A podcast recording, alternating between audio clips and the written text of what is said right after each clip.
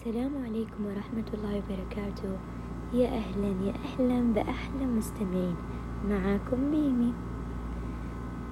طبعا بما إنه عيد الفطر مخلص قريب وبيجينا إن شاء الله عيد الأضحى أحب أقول لكم كل عام وأنتم بخير. بداية حابة أتكلم عن أكثر شيء سويناه في العيد وهو التصوير عن نفسي كنت زمان من أكثر الناس اللي تكره الصور والتصوير. ويرجع الموضوع ده لصوري في زواج أخوي الكبير. طبعا أخوي الكبير له حوالي ثمانية سنين متزوج ما شاء الله. قبل سناب وقبل الأشياء دي. طبعا أنا كنت هذاك اليوم جدا مقتنعة بشعري ومكياجي وقتها آه، كنت تقريبا ثاني متوسط. يعني بعز مراهقتي. وكنت أحس بإني خلاص صرت أعرف أكشخ وما حد ينافسني. عاد في زواج أخويا آه، رحت للمصورة حقت العروسة. وبكل ثقة آه، طلبت منها تصورني. وكنا تقريبا كذا على نهاية الزواج والمصورة فضيت ويا ليتها ما فضيت. يعني جلست تصورني وأنا بكل ثقة أغير وضعيات التصوير. وكان في يعني مجموعة من القرايب والأهل آه، جلسوا لنهاية الزواج وطالعين يسلموا على العروسة. أنا بكامل ثقتي واقفة جنبها أتصور. صاروا الناس آه، يسلموا على العروسة وبعدها يجوا يوقفوا يتفرجوا علي وأنا أتصور. فجأة جاتني مشاعر المشهورة والثقة مليون. الله لا يوريكم بعد الزواج بكم شهر؟ زوجة أخويا جابت الصور. وما أحكي لكم الصدمة لما شفتها. صراحة الصور كانت مظلمة مرة. أتوقع الإضاءة في هذاك المكان بالذات يعني كانت جدا جدا سيئة وكان الظلام. وشعري طبعا طلع كذا شيء كبير مرة. يعني هو ممكن كان في الحقيقة كذا بس ما أعرف ليش كان عاجبني هذاك اليوم. بس يمكن يعني مع الوقت وكذا يعني الواحد تتغير رأي تتغير آراء في بعض الأشياء مع العمر. والمكياج يعني ما أحكي لكم كيف كان طالع مع الظلام. بالذات إني هذاك اليوم كنت راجعة من المدرسة وكان عندي اختبار يعني ما كنت نايمة كويس يعني لا عيني تمام. مرة مرة كان شكلي مزري صراحة.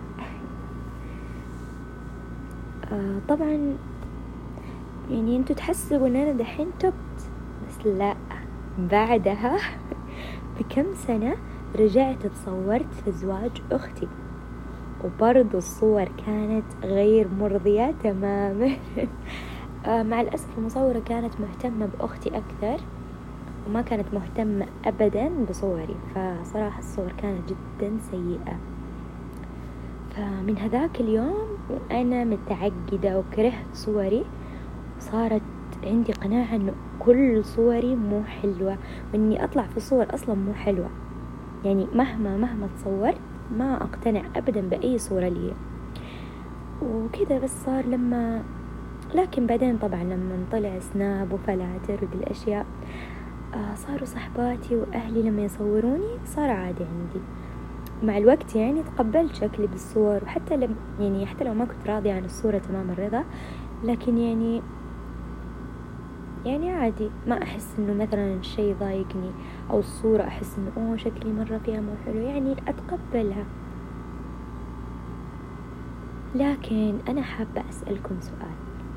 يا ترى هل مر عليكم الشخص اللي إذا شاف صوره القديمة يشخمط عليها أو يقطعها أو يرميها؟ يعني أنا عندي أخت من من دي النوعية المستفزة أو بالنسبة لي أنا يعني مستفزة الصراحة. يعني أنا حتى لو شكلي ما يعجبني بالصور أو ما طلع تمام يعني بالنسبة لي عادي أسيبها. فبعض الناس تاخذ الصور هذه وتخربها مع الأسف.